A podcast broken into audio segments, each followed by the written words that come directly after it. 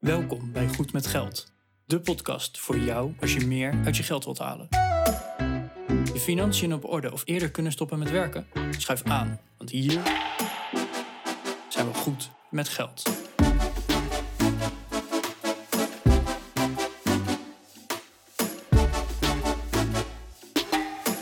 Aflevering 148 van de Goed met Geld podcast. Hey, Bas en Arjan hier weer. Vandaag met z'n drieën met Thomas in de studio. En Thomas die had een studieschuld van 150.000 euro. En ja, dan wil je gewoon weten, hoe kom je van 150.000 euro studieschuld af in drie jaar? Nou, Thomas die deelt al zijn tips en tricks met ons. Dus eh, ja, zeker de moeite waard om even, even terug te luisteren. Show notes van vandaag vind je op goedmetgeldpodcast.nl slash 148. En ja, wil je gewoon even contact met ons opnemen? Dat kan natuurlijk in een berichtje onder de show notes.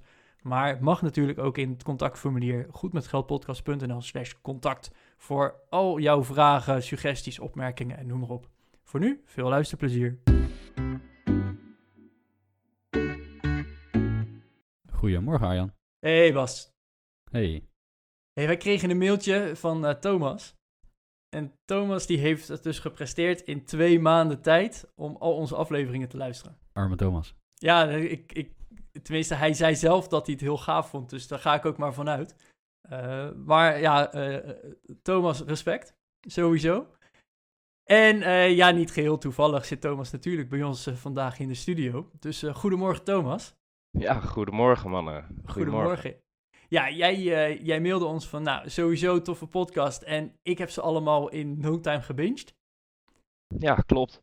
Ja, ik heb echt wel in uh, 2,5 maand tijd uh, iedere keer uh, in de auto, onder de douche en dat soort dingen naar jullie stem mogen luisteren. Dus hartstikke lachen. Ja, dus jij kent ons nu echt. Ja, ja zo zou je bijna kunnen zeggen. Ik heb het altijd als ik een podcast binge, dan, dan heb je echt het gevoel dat je de host kent of zo. Omdat je ze de hele dag of elke dag hoor je ze. En dan heb je het gevoel dat je, ja, je hebt natuurlijk, het is eenrichtingsverkeer, de communicatie, maar je hebt dan toch wel het gevoel, hey, ik, ken, ik ken iemand, want ik hoor hem de hele dag en elke dag. Dat zijn we buddies. Ja, ja. Dat is, ja, uh, precies. Dat precies. is een heel, heel bijzonder effect, inderdaad. Ja. hey, maar daar, daar gaan we natuurlijk geen hele aflevering over maken. Hè? Een beetje zelfbevlekking. Dat, nee, dat gaan we niet doen. Uh, maar uh, Thomas, jij mailde van... Ja, ik heb echt wel een verhaal om te vertellen. Ik heb namelijk een best wel flinke studieschuld gehad. En die heb ik in drie jaar tijd afgelost. Nou, sowieso elke studieschuld in drieënhalf jaar of drie jaar aflossen is gewoon al nou, best wel indrukwekkend. Uh, toen gaf je nog eens aan van, hey, het ging hier om uh, een echt flink bedrag, niet de gemiddelde studieschuld. Uh, nou, dat was meteen een reden om, om jou uit te nodigen. Maar voordat we daarmee gaan beginnen, willen we graag gewoon eerst eens weten wie is Thomas. Ja, nou ja, top. ik ben dus Thomas, ik ben 26 en ik woon met mijn vriendin en hond in het midden van het land. En ja, in het dagelijks leven vlieg ik. Oké, okay, als? Cool. Uh, als, uh, als piloot dus bij, uh, bij een vliegmaatschappij. Als piloot, ja. Oké. Okay. Ja. Leuk man. Hey, hoe heb je dat de laatste tijd overleefd dan met COVID?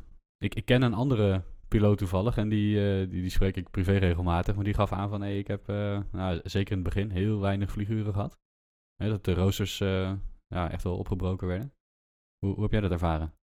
Ja, nee, ik heb zeker ook, uh, zeker ook heel erg veel thuis gezeten. En dan uh, denk je inderdaad misschien van, nou ja, hartstikke lekker toch? Hè? Veel weekend en dingen. Maar op een gegeven moment begint dat ook wel erg, erg te vervelen. Ja, en ik heb ook wel veel, veel dan ergens in het, in het buitenland gezeten. Dat je direct vanuit het vliegtuig naar een hotelkamer gebracht wordt. Daar wordt opgesloten en daar word je dan weer uitgehaald als het weer tijd is om te gaan. Dus dat was ook niet heel glamorous meer, nee. Nee, je, je, mag je trucje even komen doen en dan stoppen je weer terug in het doosje. Ja, precies. Uh, en voor de rest was je maar, uh, was je maar eng. En uh, ja, dat. Ja, ja. Nou, snap ja en de charme is denk ik juist dat je veel verschillende mensen ontmoet. Dat je in het buitenland komt op plekken waar je een keer een stad kan gaan bekijken of zo. Ja, dat is hartstikke gaaf natuurlijk. Dat is juist de charme van het beroep misschien. Ja, ja precies. En, en nu dan? Gaat het nu wat beter? nu gaat het weer, weer wat beter. Uh, het is, uh, ja, we zijn, er, we zijn er natuurlijk nog, uh, nog lang niet terug bij af. Maar ja, het, het, is in ieder geval begint het weer wat, wat normaler te worden, wat drukker te worden. Wat nou ja, wereldwijd open landen, grenzen weer wat meer. En zijn er weer wat meer dingen te doen in steden. Ja. Dus het, het komt wel weer terug uiteindelijk. Het komt wel weer terug uiteindelijk. Ja, oké. hey, en ja, wat ik in ieder geval ken van piloten is dat het echt knijterduur is om je vliegbrevet te halen. En je vlieguren te moeten maken en noem maar op. Ehm, en dat is denk ik ook meteen de studieschuld waar we naartoe gaan linken. Eh, kan, kan je daar iets over vertellen? Ja, nou ja, daar, eh, daar komt het in ieder geval eh, inderdaad wel op neer. Ehm, in ieder geval, die opleiding is dus, is dus vrij duur. En je zit dan tussen, denk ik, tussen de, nou ja, richting de, richting de anderhalve ton ga je wel eh, voor de opleidingskosten en de rente die je tijdens de opleiding moet betalen. Die je overigens dan wel weer bij kunt lenen. Dus dat is dan wel weer mooi meegenomen. Dat je een extra lening af kunt sluiten voor de rente. Mhm. En dat kun je dan niet bij, eh bij Ome Duo lenen. Maar eh, dat, dat wordt gewoon bij, bij een van de grootbanken in Nederland. Daar, daar kun je dan een persoonlijke lening afsluiten. Ja, dus dat is ook meteen, dat zijn commerciële tarieven waar je tegen leent. Dat, zijn niet, eh, dat is niet, niet een 0% of wat is het, 0,01 of zo die je tegenwoordig bij Duo kan krijgen. Nee, zeker niet. Nee, je zit toch wel richting de 4 aan. Ja, 4%. zuur man. Ja.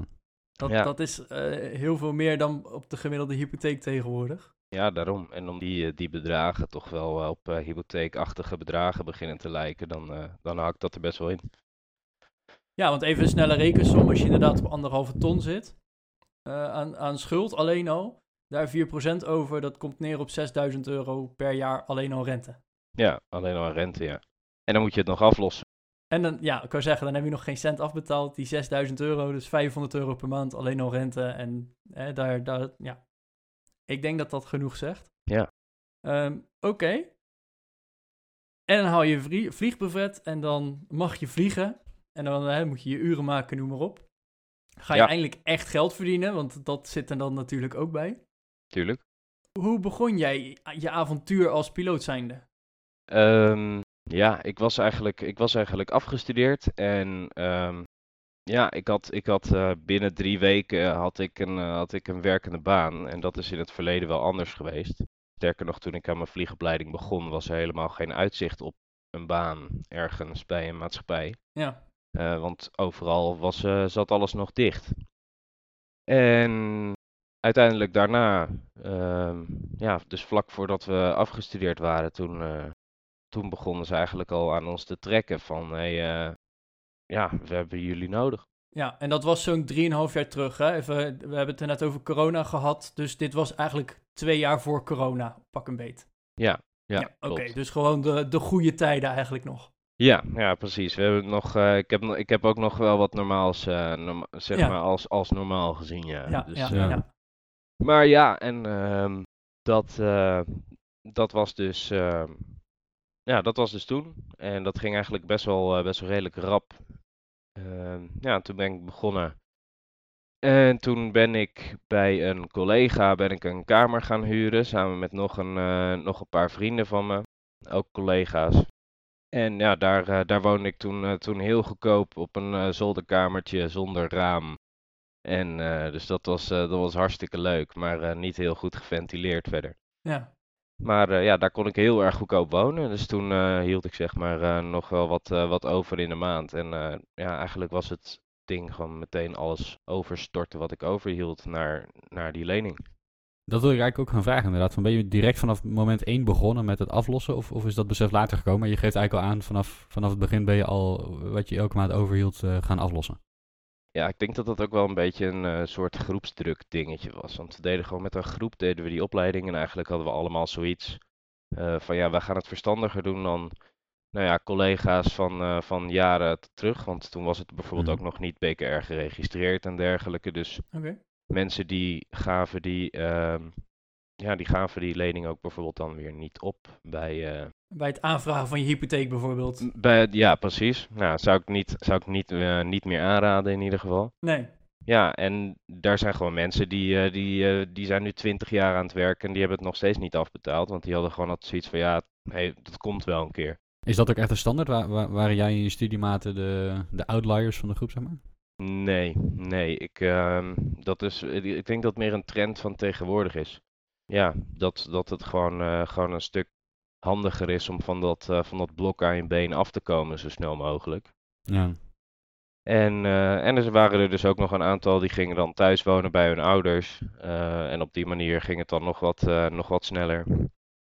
Werd het een wedstrijdje, een WhatsApp-groep met hey, ik heb nog maar zoveel te gaan, ik heb nog maar zoveel te gaan? Ja, soms, soms misschien wel. Dan was het, dan was het wel ineens van iemand die, die zat er ineens van ja, ik volgende maand weet je, de hele boel, eh, de, de rest afgelost. En dan, Ja, eh, ja. Ja, en, eh, maar ja, dat dus. En ehm, het voordeel is wel, dat moet ik er wel, moet ik er wel bij zeggen, dat ehm, voor die eh, studiekosten, die, eh, die opleidingskosten, die zijn dus wel ehm, aftrekbaar in box 1. Ah, oké. Oh, vertel. Nou, ja, dat is dus eigenlijk voor eh, uitgaven voor scholing en dergelijke, waar je geen studiefinanciering voor krijgt, waar dit dus onder valt. Mhm. Die kun je aftrekken van de inkomstenbelasting eh, tot dus een bepaald, eh, nou, een bepaalde tijd is het volgens mij. Volgens mij mag je het vijf jaar aftrekken of zoiets. En dan, je, eigenlijk bouw je gewoon een soort pot op met kosten. En dat is een aftrekpost. En die ga je met je salaris, ga je die pot weer leeghalen.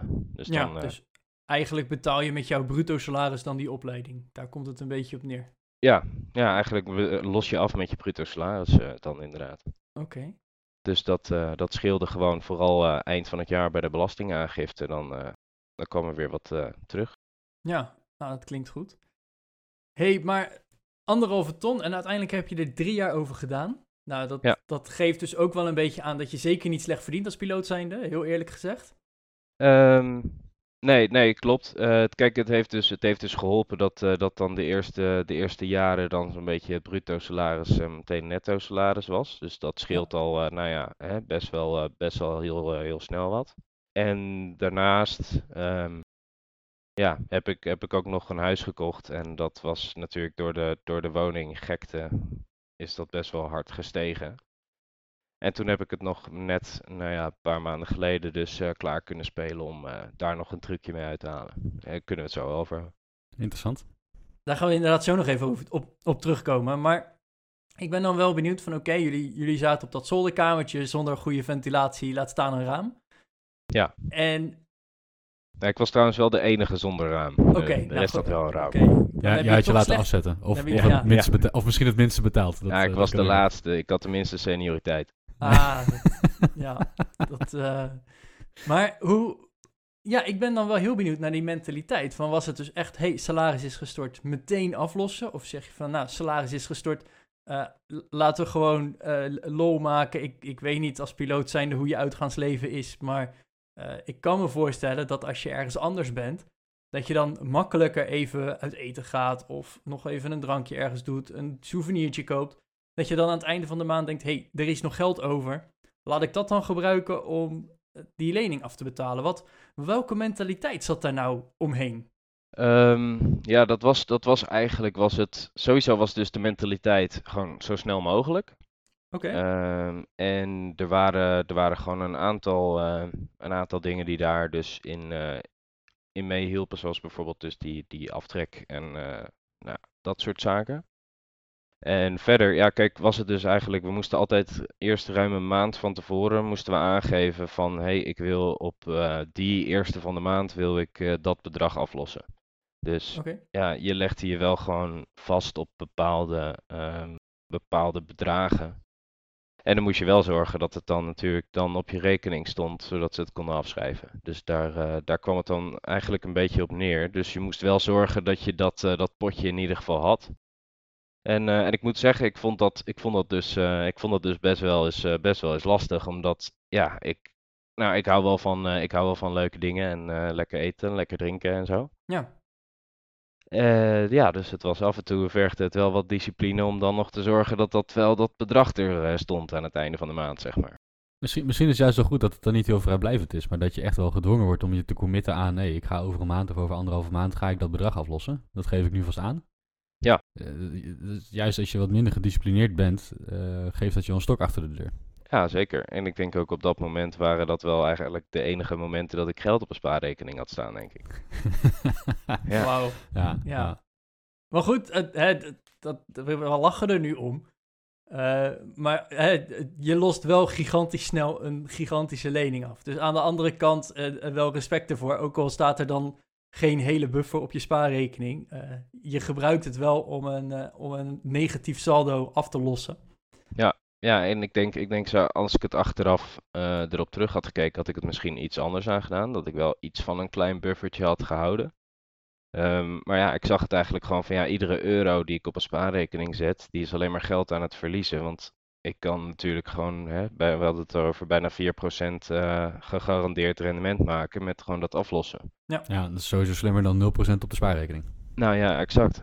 Ja. Ja, Hey, Dus, en eh, in, in die drie jaar, je zegt van nou, dat, hè, dat, dat was dan het geld dat op mijn spaarrekening stond. Maar ja, ik kan me voorstellen dat er ook in hè, drie jaar is best wel een lange periode. Dat er ook echt highs en lows waren. Dat je zegt van nou, deze maand doe ik eh, het dubbele bedrag, laat maar zeggen. Of nou, deze maand is het zo moeilijk. Eh, eh, kan je daar iets over vertellen? Dat de dingen die goed gingen of die achteraf niet zo goed zijn gegaan? Nou ja, er waren inderdaad waren best wel eens, eh, best wel eens momenten. Dan, dan ging het echt hartstikke prima. Zeker als dan dus die belastingaangifte werd gestort aan het einde van het jaar. Ja, dat was, natuurlijk, dat was natuurlijk dan een heel blij mailtje naar die bank sturen. Van zo, kijk eens even, hier gaan we, hier gaan we weer eens eventjes wat, eh, wat terugstorten. Ja, En dan moet ik ook wel, dat, daar werkte ze ook wel in mee. Dat kon dan ook boetevrij. Dus dat, dat was dan wel weer positief. Ja. Maar eh, er waren inderdaad ook maanden. Ik heb ook nog een keer een maand gehad. Toen eh, gingen we ook met, met vrienden gingen we op skivakantie. Ja, en toen had ik wel al aangegeven dat ik dus een x-bedrag af ging lossen aan het einde van de maand. En toen kwam nog die skivakantie eroverheen.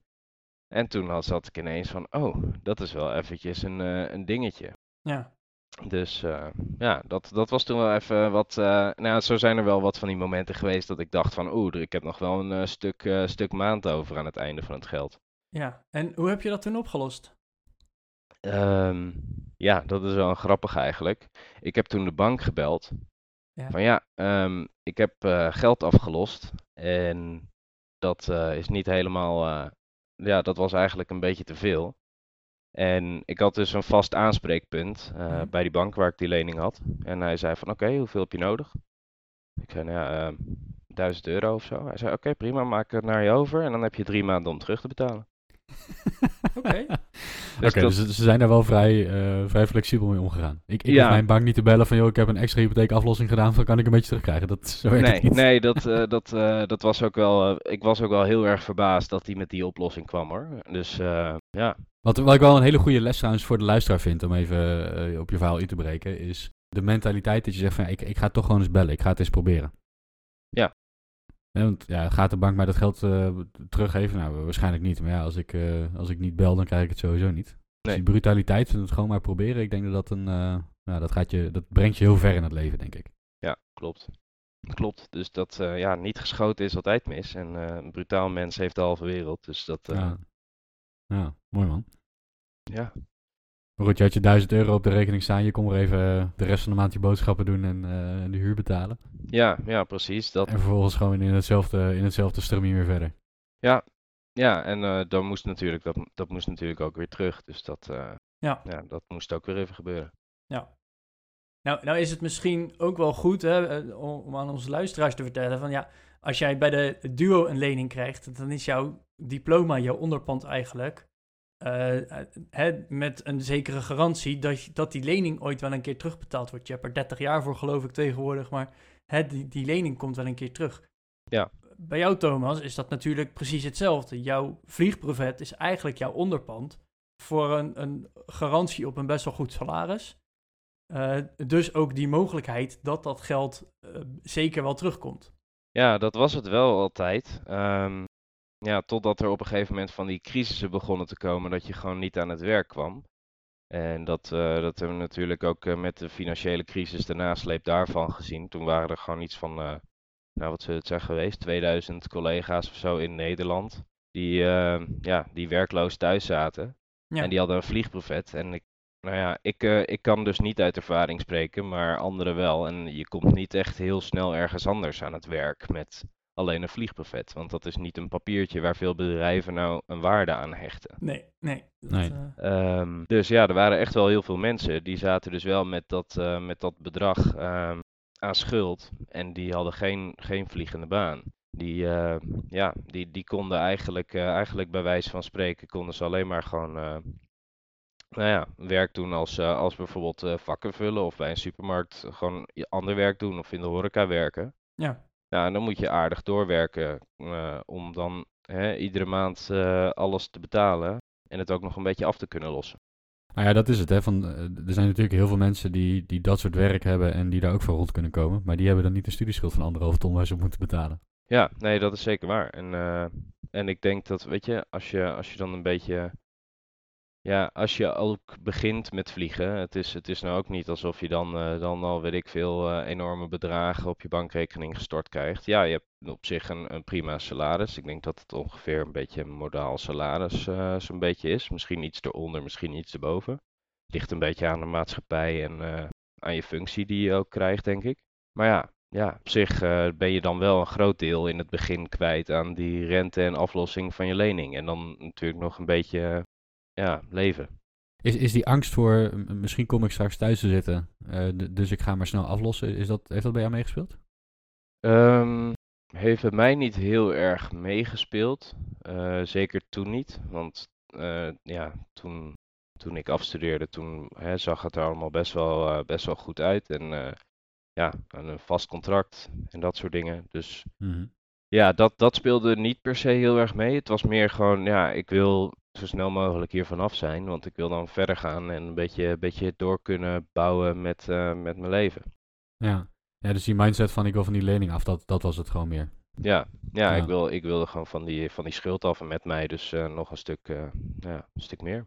ja want welke beperkingen zijn er met die schuld? We hadden het er net al even over die BKR-registratie. Ja. Ehm, maar, maar ben je tegen andere dingen aangelopen van, hé, hey, dat lukte niet, dat kon niet, of, of eh, hè, het sowieso is het al een mentale ballast.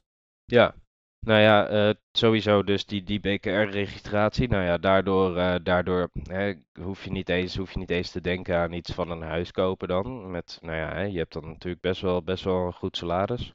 Ja, Maar iedere bank die lacht je natuurlijk gewoon uit, want je komt er al binnen zeg maar met een hypotheek voor niks eigenlijk. Ja. Hè, dat, dat waren in het verleden waren dat ook gewoon nog redelijke hypotheekbedragen. Nu, nu kan je daar niet eens, nu, nu kan je daar eh, nog net een parkeerplaats mee kopen misschien, maar dat, eh, ja, ja, maar goed, ehm, ja, dat, dat is echt wel, eh, dat was echt wel, echt wel een ding. Dus ja, je moest daar gewoon zo snel mogelijk van afkomen.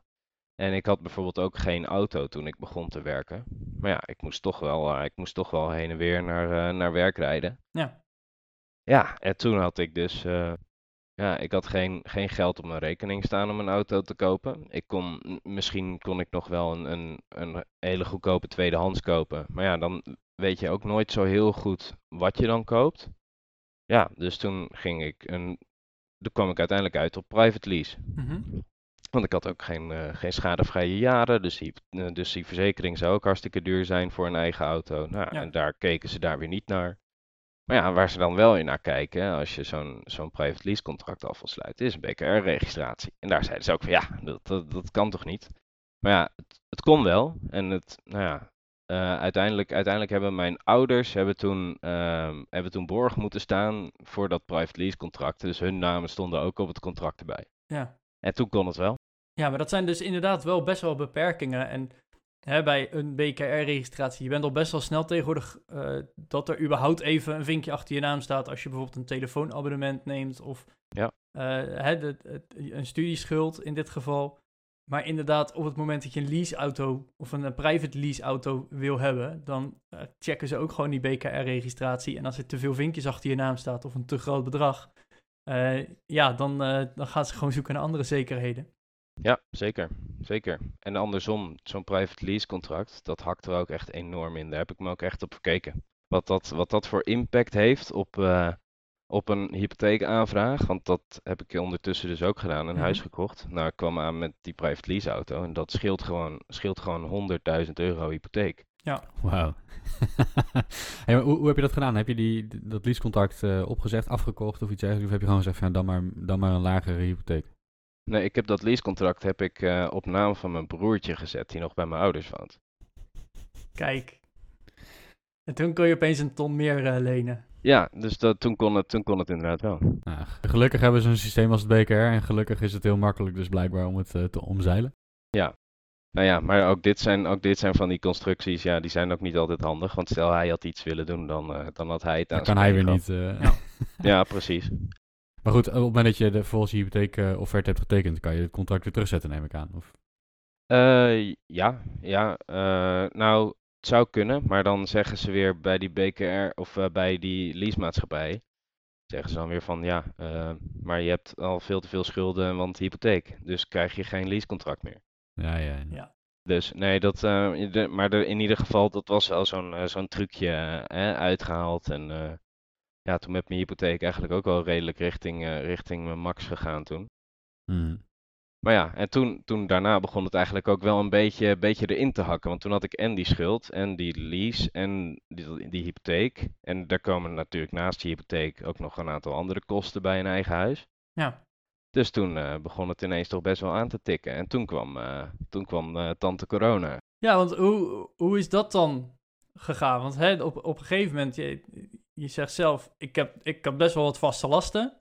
Dus dat, dat tikt al behoorlijk aan. En opeens veel minder werk. Dus ik denk ook minder inkomsten. Ik weet niet hoe dat precies in de, in de vliegwereld gaat. Of je betaald per uur krijgt of eh, per vlucht. Of hoe dat gaat. Maar hoe ging dat dan? Nou ja, ehm, ja, salaris verschilt een beetje per maatschappij, denk ik.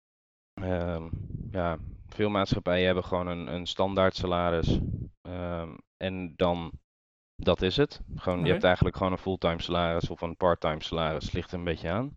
En aan de hand daarvan hebben ze gewoon een, een bepaald kader, eh, vaak binnen dus een CAO, van eh, zoveel, zoveel mag je dan werken in een, in een jaar. Mhm. En dan eh, en zoveel in een maand en dergelijke en zoveel op een dag.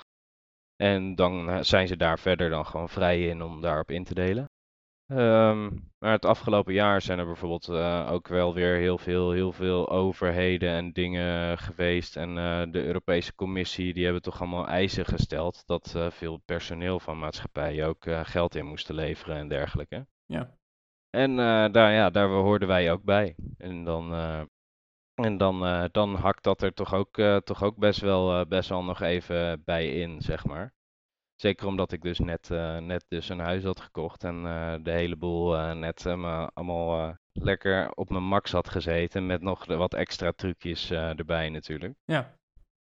Dus ja, dat toen begon het toch in één keer wel een beetje, een beetje, een beetje warm Beetje onder de voeten te knijpen, worden.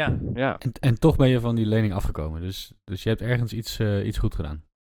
Ja, dat eigenlijk het, eh, het laatste stuk wat er dus nog open stond, dat, eh, dat had ik eigenlijk niets, niets extra meer op afgelost eh, in, de, in de hele coronatijd. Tot afgelopen zomer, toen, toen dacht ik, ik laat, eens, ik laat eens een keer mijn huis gewoon nog een keer taxeren na een jaar. Ja. En toen kwam er ineens uit dat die toch wel gewoon 20% meer waard was geworden in een jaar. Ehm, ja, dus toen, eh, toen dacht ik, nou, dat biedt dan mogelijkheden. Dus toen ben ik eens een beetje wat gaan praten. En dan had ik gewoon het idee van, nou, als ik nou mijn hypotheek wat verhoog, dan kan ik in één keer die lening daarmee aflossen. Ja. Nou, dat is wel een mooie vorm van arbitrage. Hè? Dat je zegt van ik heb een hypotheek van anderhalf procent en daarmee los ik een andere lening van, van 4% af. Snel terugverdiend. Ja, Ja, dat is, Ja, dat is wel de eerste besparing die je hebt. Ja. ja nou, dat was, dat was mijn plan dus eerst bij de bank waar ik bij zat. Was trouwens dezelfde bank die eh, ook die lening had verstrekt voor mijn vliegopleiding. Want die zeiden, nou, daar kunnen we dan nog wel flexibel mee omgaan. Ja. Mhm. Maar die zeiden van ja, hier willen we niet aan meewerken. Want die vonden het inmiddels vonden die het een beetje eh, riskant geworden om hypotheken te verstrekken aan, eh, aan vliegend personeel over het algemeen.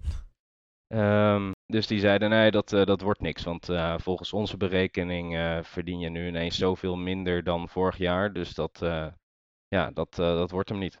Oké. Want ze zeiden in dat eerste jaar zeiden ze ook nog van oh ja, we kunnen wel rekenen met je salaris over drie jaar en dat soort dingen. En Mm. eh, ja, ja. we doen een beetje flexibel en een beetje dit en dat om de cijfertjes wat te boosten, dus dan komt het wel goed. Maar dat deden ze nu zeker niet meer. Dus eh, eerder ging er nog een marge vanaf, zeg maar, eh, aan een soort van risico, eh, risicoberoep. Ja. Ehm, ja, dus die, die wilden daar niet aan meewerken. En toen uiteindelijk bij een andere bank terechtgekomen via een hypotheekadviseur. En daar zeiden ze eigenlijk heel snel van, oh joh, wat een goed idee. Ja, gaan we gewoon meteen doen. Dan gaat je maandlast omlaag. En je bent van die schuld af. Dus Uite- Uiteindelijk Ja. is het risico hetzelfde, want er staat nog steeds een huis tegenover. Eh, en dan staat alleen dat huis tegenover het hele hypotheekbedrag, terwijl anders tegen een deel van het hypotheekbedrag met nog een andere restschuld die veel duurder is. Ja, nou ja, dat, dat was het inderdaad. En, en die, eh, ja, er werd gewoon, eh, eigenlijk werd er een stuk meer zekerheid ook gewoon, gewoon geboden voor hè, dat, eh, dat bedrag. En het scheelde mij gewoon heel veel in de maand. Ja. En daarbij kan, Ja. kwam dat ik dus nog iets extra, dus ik heb ook nog mijn private lease auto over kunnen kopen. Ah, Dus daar ben ik ook vanaf. Dat Nog- scheelt ook weer. Ja. nog een BKR-registratie minder. Ja, Nou ja, en gewoon een stuk, een stuk maandelijkse cashflow. Hè? Want ik kan me voorstellen op het moment dat je zegt van nee, ik, ik kan mijn hypotheek en mijn, mijn studielening bundelen in één product. Namelijk in een hypotheek met een huis als onderpand, waardoor de rente heel laag is. Ja. En ik koop dat private lease contract af. En hè, de, dat, dat zijn best wel aardige bedragen ook. Hè? Zelfs als je de aller, allergoedkoopste versie hebt, dan heb je, je zo aan 200 euro in de maand. Ja, dan... Ja. Het kan 200 euro zijn of nog veel meer dan dat. Dus, dus dat zijn best wel forse bedragen als je daar ineens vanaf bent. Ja, absoluut, absoluut. En dus, eh, dus dat, dat kon met, in één keer kon dat dus allebei in één klap kon ik dat aflossen. Ja. En, eh, en mijn hypotheek is gewoon 4 euro duurder geworden. Tja, Ja. Ja, want je bent ook in rente omlaag gegaan. ik sinds ben ook in rente omlaag gegaan. ja. ja, kan je Ja. nagaan. Dus je hebt 20% meer kunnen financieren voor 4 euro per maand extra eigenlijk. Daar, Ja. daar komt het een beetje op neer. Ja, dat, Ja, ja, dat zijn gigantische verschillen. Hey, je zit me nou wel af te vragen hè, van eh, die, die enorme aflossingsdrift die je hebt gehad op je studielening. Eh, Ja. Heb je die nu ook op de hypotheek of, of op dat deel van de hypotheek? Of, of zeggen we nou dat, dat gaat nu op een wat lager pitje? gaat nu op een wat lager pitje. Ja, ik, ehm, ik, eh, ik zit er wel over na te denken hoor. Maar ehm, ja, dan moet ik echt, dan moet ik echt iets ergens heel erg over hebben. Maar ja, ik ben nu eigenlijk, eh, ben ik sinds toen, ben ik gewoon omdat, omdat ik ook begon te merken dat het dus qua, qua financiën een beetje krap begon te worden met alles erop en eraan. eh, ben ik gewoon eens alles op papier gaan zetten. En dus veel, veel bewuster. Nou ja, dit is, een, dit is natuurlijk een heel bekend woord hier in de podcast, denk ik. Zeker. Maar ja, maar eh, ben ik veel bewuster er, ernaar gaan kijken. En ehm, ja, toen ben ik gewoon eens al mijn uitgaven en inkomsten eh, gewoon naast elkaar gaan zetten. En daar kwam, ja, toen kwam ik erachter van oké, nou dan kan ik misschien toch wel even wat gaan sparen en dingen en eh, wat beleggen en dat soort zaken. Ja. Dus daar ben ik nu eigenlijk gewoon ook volle bak mee, mee aan de slag gegaan. Om, ja, om dus gewoon, gewoon wat, wat op te bouwen voor de toekomst. Ja.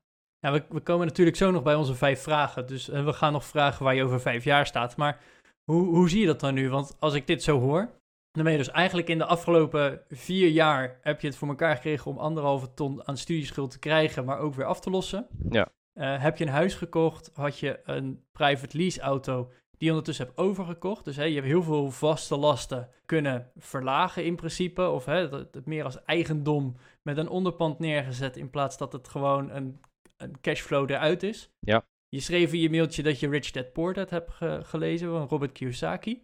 Ja, dat is ook wel echt een omslagpunt voor mij geweest. ja. Ja, nou daar ben ik dus heel benieuwd naar. Van, je, je bent zo bewust bezig geweest met van die schulden afkomen. Want eigenlijk zijn het gewoon allemaal schulden. Ja. Wat, welke omslag is er nu en hoe zie je dat dan voor je? Want je kan ook zeggen van, nou, ik heb zoveel afgelost. Joh, ik ga lekker 10% op mijn huis elk jaar boetevrij aflossen.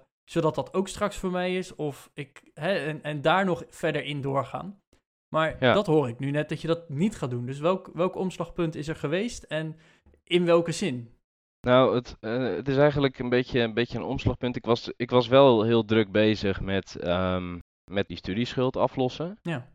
Maar op een gegeven moment merkte ik dus dat ik, eh, dat ik op een gegeven moment best wel redelijk wat hooi op mijn vork had genomen. En begon het eigenlijk, ehm, begon het een beetje, een beetje krap te worden. Dus ik moest gewoon iedere maand, zeker met, eh, met al dat huis en dingen, dan, eh, dan ineens eh, ja, was het, was het nog best wel, best wel eventjes, werd het even een beetje warm als, als ik dacht aan zometeen gaat de, de vaatwasser kapot en dat soort dingen. Ja. Dus ja, dat, dat werd, toen wel, werd toen wel een ding. En omdat ik ook wel van, van leuke dingen in het leven hou en dat soort dingen, vond ik het ook best wel, best wel, eh, best wel lastig, eh, lastig worden soms.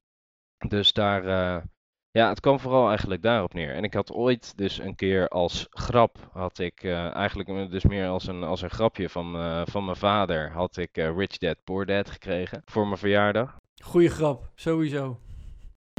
Ah, jou, jouw vader is sowieso de bom dat hij dit doet. Dat, eh, Ja, nou ja, dat in ieder geval. Dus de- eh, dat, wa- het was meer een schouderklopje voor zichzelf dan, eh, dan, eh, dan, dat het, eh, nee, dan dat er waarschijnlijk veel gedachte achter zit van dit moet je lezen. Was, was jouw vader de rich dad die een eigen bedrijf had? Of was je vader de poor dad die wel een goede baan had, maar altijd in de werknemersmentaliteit bleef zitten? Ehm, een beetje, een beetje ertussenin, denk ik. Oké. Ja, hij heeft wel, wel een eigen bedrijf, maar ehm, ja, ook niet altijd even verstandige keuzes gemaakt. Nee, precies. Nou, dat hoeft ook niet, maar de mentaliteit is dan wel, eh, wel heel goed. Ja, ja, ja, precies. Nee, maar eh, dat in ieder geval. En toen, eh, toen dacht ik, ik ga dat boek wel eens een keer, eh, een keer openslaan. Mhm. En eigenlijk, mm, ja, vanaf, vanaf de eerste paar pagina's was ik eigenlijk best wel verkocht. Dus ik heb dat boek heb ik echt binnen twee dagen uitgelezen. Ehm, ja, het leest gewoon heel lekker weg. En toen dacht ik ineens van, holy shit, het is eigenlijk, is het, ja, is het best wel makkelijk hè, om het wel verstandig aan te pakken. Ja. En toen ben ik eens dus gaan, eh, gaan kijken en eens gaan rekenen en is van, nou, wat, eh, wat kan ik nou dan voor dingen doen? Hè, want in principe de basis was goed. Maar ergens, eh, ergens had ik een beetje een paar, paar verkeerde afslagen genomen, denk ik.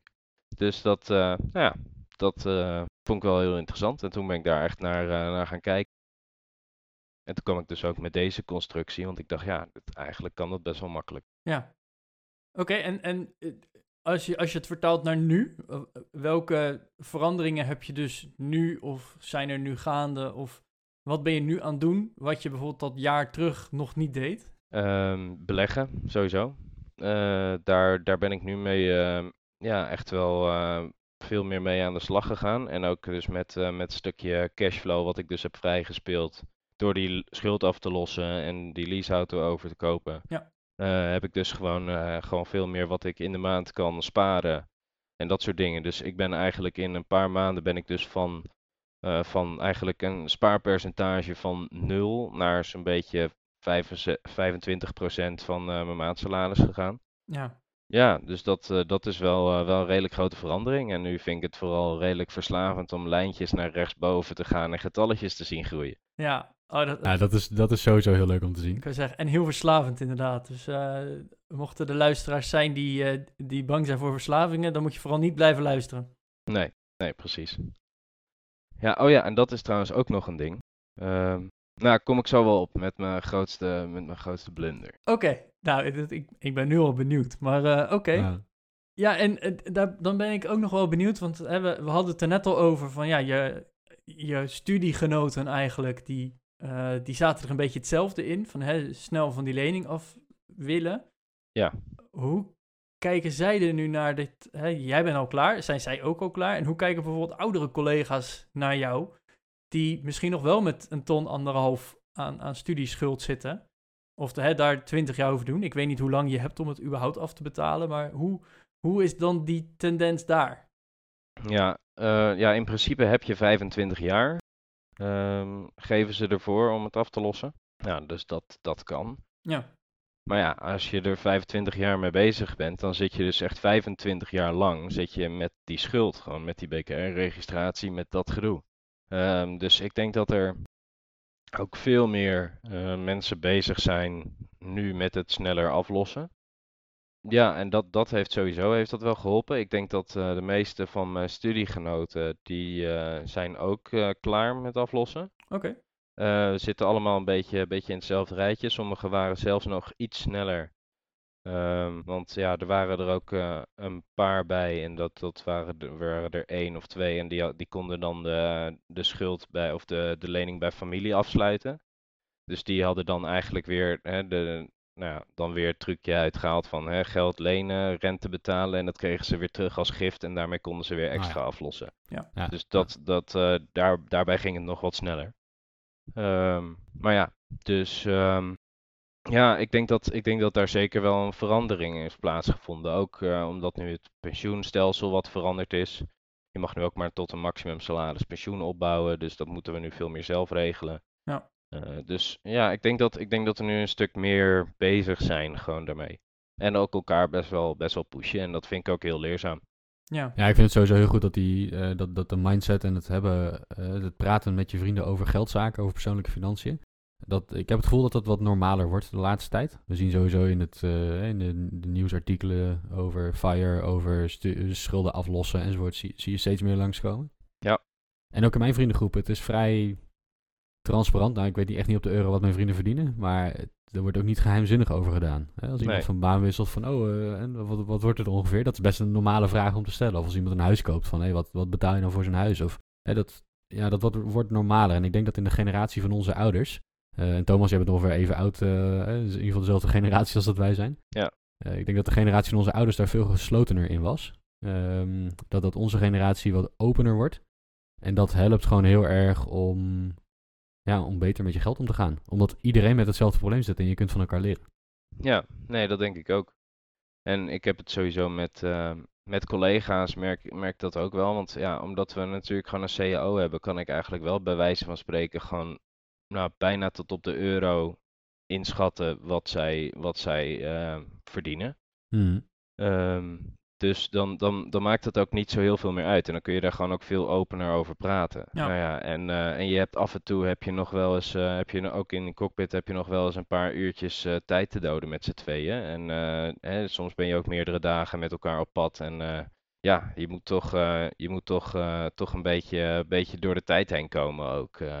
ja. zo nu en dan, zeker toen ik, toen ik van die lange afstanden vloog, dan, ja, dan, dan ben je echt wel soms ben je, ben je urenlang in de nacht ben je een beetje, beetje voor je uit aan het staren. En dan moet je dus toch een beetje kijken van hè. Uh... ja, dus dan ga je het maar over je studieschuld hebben. Nou ja, bijvoorbeeld, dan, uh, dan kom je met dat, ja. soort, uh, dat soort bedragen of dat, soort, dat soort onderwerpen kom je dan ook wel op terecht. Ja, ja nou, ik, ik vind wel goed inderdaad dat het zoveel opener is. Waar ik nog wel even benieuwd naar was, van, je, je geeft aan van hey, ik ben best wel met collega's erover in gesprek. Maar je hebt het ook steeds over die trucjes. En ik vind eigenlijk ook best wel slimme trucjes die je deed. Van hey, um, hè, de, de lening die je had bij de bank uh, bij familie onderbrengen en dan met giften. Of uh, zo'n zo'n private lease auto zelf overkopen. Je, je, de rest van je lening omwisselen eigenlijk naar je hypotheek en die verhogen. Ja. Dat zijn allemaal trucjes. Heb je, en ja, ik heb best wel een hoge pet voor je op, maar ik denk niet dat je ze allemaal zelf bedacht hebt. Misschien ook wel, maar heb je het daar dan met je collega's over? Heb je een financieel adviseur? Heb je hoe? Want, hè, of, of zoek je gewoon zelf alles uit? Uh, ja, ik, ik moet wel zeggen dat ik heel veel zelf uitzoek nou, van, van wat kan. En, uh, en dus ook met, met bepaalde dingen. Want ja, soms zit je natuurlijk ook wel uh, met, met wat fiscale consequenties Ja. als je bepaalde constructies opzet. Um, sommige dingen die, ja, die mogen ook gewoon niet. En sommige dingen, hè, zo met, uh, met een hypotheek, daar staan ook allemaal uh, kleine lettertjes in. Ja. En dat is ook verstandig om die niet uh, te overtreden. Zoals bijvoorbeeld, weet ik veel, een huis. Ja, als collega's die wat verder zijn, die dan hun huis aanhouden. Tegen de bank zeggen dat ze het gaan verkopen. Dan het niet verkopen.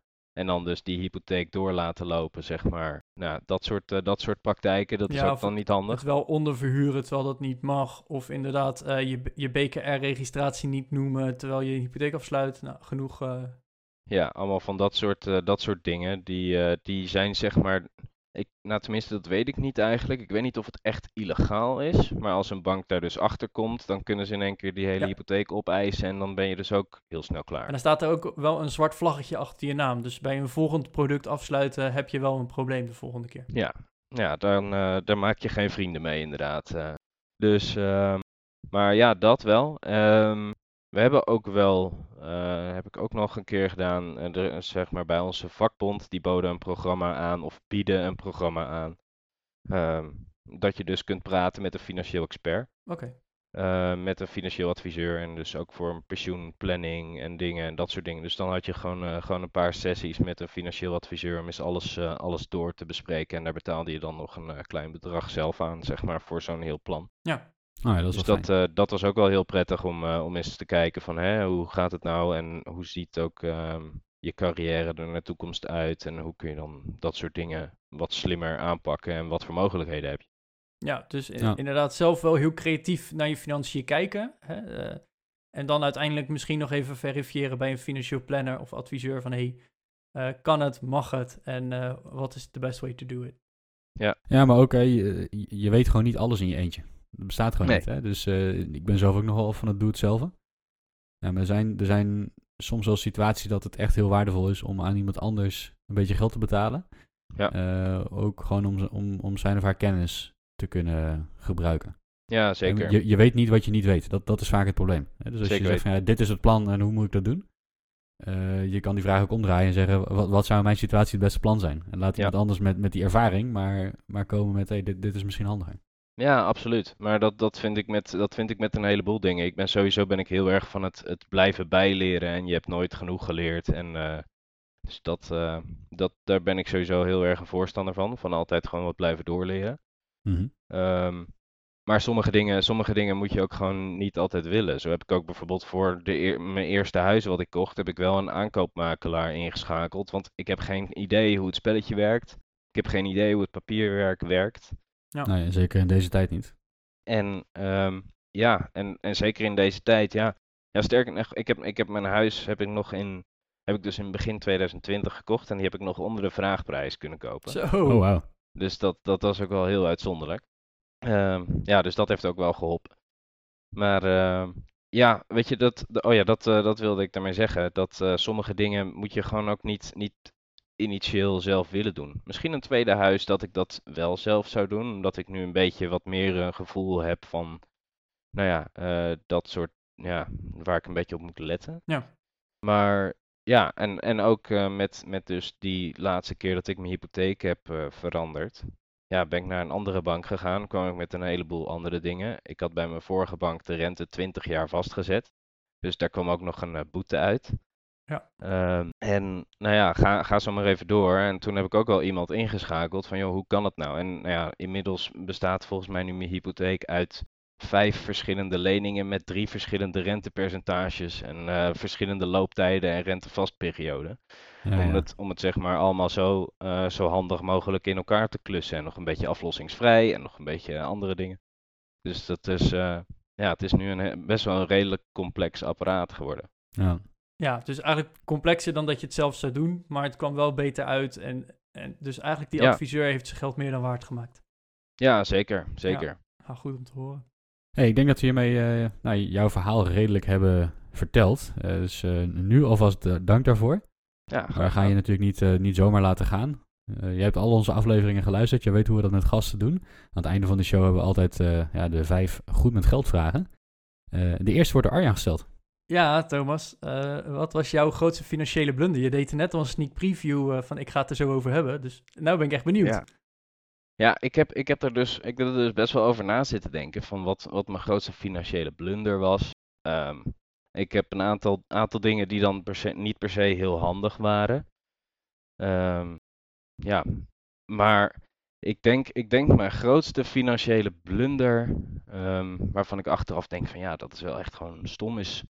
Ja, ik heb elf jaar lang heb ik gerookt. Ja, En naast dat het natuurlijk eh, hè, voor je gezondheid slecht is en dat het stinkt en eh, hè, allemaal dat soort dingen, eh, kost het dus ook echt, echt vreselijk veel geld.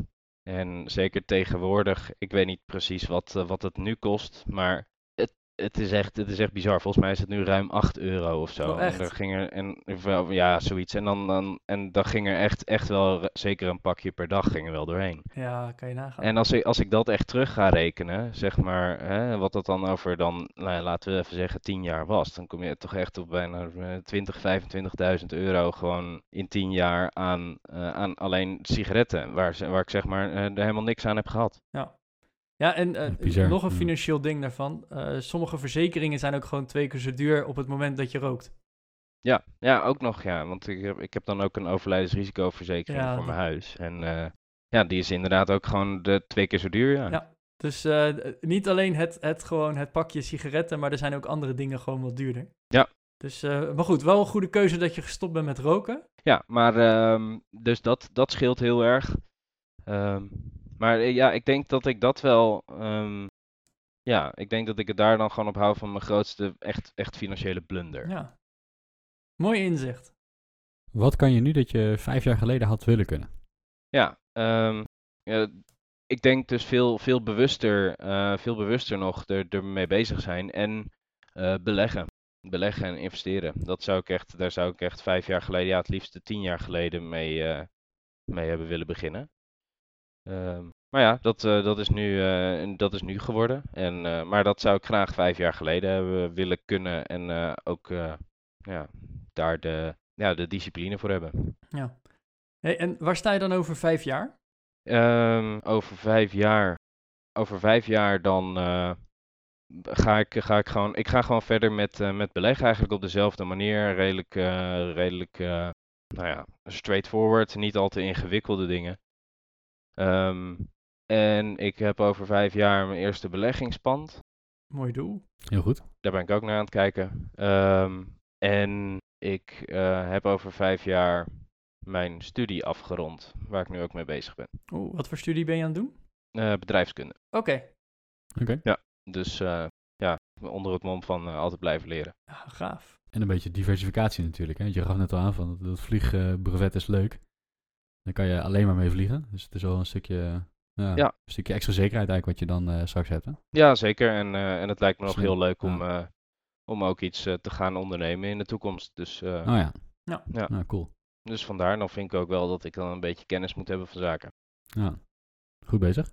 Hey, welke informatiebron eh, moeten onze luisteraars volgens jou kennen? Ja, nou ja, sowieso Rich Dad Poor Dad. Maar die is al best wel afgezaagd, want ik denk dat die al heel vaak, eh, volgens mij is die al wel heel vaak Eh, voorbij ja, gekomen. eh, vaker inderdaad. Ja, ehm, verder vind Dat ik... betekent overigens dus dat het een goede, een goede tip is. Hè? Als, Ja, nee, zeker. Ik, ik, ik hanteer altijd als stelregel als ik van, van veel verschillende mensen dezelfde tip krijg, dan, dan zal het wel slim zijn. Ja, nee, dat, dat in ieder En geval. het Dus- is dus echt een heel goedkoop boekje. hè. Ik geloof dat die in het Engels is die 15 euro of zo. Eh, Ja. Dus Ja. eh, het- is geen massa-investering. Nee, nee, het kan echt, eh, het kan echt wel. eh, ja, op mij heeft het in ieder geval veel impact gemaakt. Maar ik denk, ik dacht alleen maar van ja, hè, nieuwe dingen, nieuwe dingen is, eh, is altijd mooi.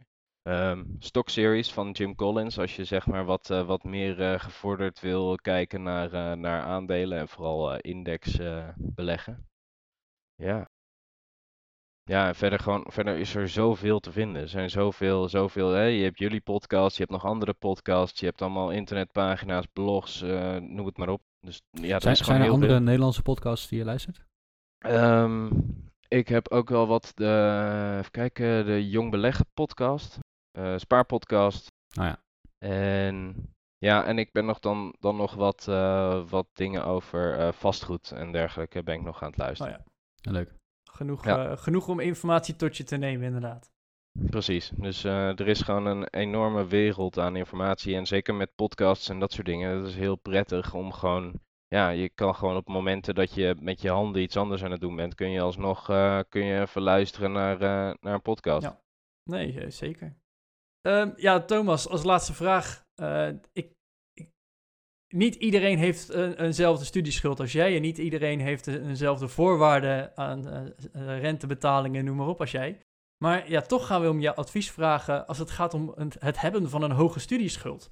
Wat zou Ja. jij onze luisteraars, ook al is het een, een studieschuld bij, bij Ome Duo, wat zou jij hun aanraden? Ehm, ja, sowieso als je, als je een, een studieschuld hebt met een persoonlijke lening. ehm, met dus ook gewoon best wel een flinke rente en dat soort dingen. eh, en dat hoeft niet eens per se een studieschuld te zijn, gewoon een schuld met een hoge lening. Of met een hoge rente. Ehm, ja, probeer dat gewoon zo snel mogelijk af te lossen. Dus, dus kijk wat je nog, eh, wat je nog aan dingen hebt eh, om eventueel eventueel extra te doen. Ik deed bijvoorbeeld zelf altijd ook mijn, mijn vakantiegeld, weet je wel. Dat was dan, Oh ja. was dan iets, daar, daar had ik dan nog wel een, een extra potje ineens, ehm, wat ik dan dus mee kon aflossen. En ja, dat helpt toch. Weet je, op een gegeven moment, eh, op een gegeven moment gaat het, eh, gaat het toch, eh, ja, toch best wel aantikken als je daarmee door blijft gaan. En, en gewoon heel bewust dus, dus alles, alles op een rijtje zetten en kijken wat je, waar je nog een euro vandaan kunt schrapen om extra nog af te lossen. Ja. Ja, en Een hele goede tip. Ik wil deze misschien zelfs nog een beetje aanvullen als je het goed vindt. Ja. Hè, jij bent extra gaan aflossen en eigenlijk als je extra aflost, wordt de maandelijkse betaling elke maand weer een beetje minder. En dat is een sneeuwbaleffect en daar hebben we het in een van onze allereerste afleveringen al over gehad, over het sneeuwbaleffect. Dat als je eenmaal extra gaat aflossen, hoef je de maand erop minder af te lossen of is je rentebetaling wat minder. Nou, en als je dat dan ook weer gebruikt om de volgende extra aflossing te doen, wordt die sneeuwbal steeds groter. En hè, gaat het dus steeds harder ook dat aflossen. Dus hè, ook al is het dat je maar begint met, met 10 of 20 euro, Ja. dat wordt steeds een klein beetje meer, waardoor het steeds makkelijker gaat. En ja, uiteindelijk, jij hebt dus gewoon eh, je, je eh, auto en je, je studieschuld helemaal afgelost, waardoor je heel veel cashflow vrij speelt, waardoor je gewoon heel veel meer ademruimte hebt. Nee, zeker. En dat, eh, ik moet ook zeggen, dat scheelt me nu ook gewoon veel meer, veel, dat geeft me veel meer ruimte in mijn hoofd ook. En eh, hè, nu, nu kan ik gewoon veel meer dus denken aan, nou ja, hè, naar de toekomst en wat opbouwen en wat sparen en wat beleggen. En eh, nou ja, gewoon echt, eh, echt een beetje, een beetje aan de weg timmeren. Gaaf. In plaats van dat ik bezig ben met het verleden en dus het aflossen. Ja, ja. Nou, gaaf om te horen. hey, eh, Thomas, wij willen je in ieder geval na deze vijf vragen, maar sowieso na deze hele aflevering, eh, heel erg bedanken. Sowieso eh, tof dat je naar ons luistert, maar ook dat je te gast wilde zijn en wilde vertellen over hè, je studieschuld, het aflossen van die schulden, het slimmer omgaan met geld, bewuster omgaan met geld. Ehm, ja, en beste luisteraar, vond je deze aflevering nou leuk? Like hem, deel hem. Eh, je vindt ons op, eh, op de socials, maar hè, ook gewoon op onze eigen website. Daarin kan je eenzelfde mailtje sturen als Thomas. Eh, mocht je een mooi verhaal hebben of mocht je nou een onderwerp hebben wat wij uit kunnen zoeken, ja, laat het ons gerust even weten. En wil je reageren? Dat kan natuurlijk onder de show notes van vandaag. En ja, net als altijd zijn wij de volgende week gewoon weer. Tot volgende week.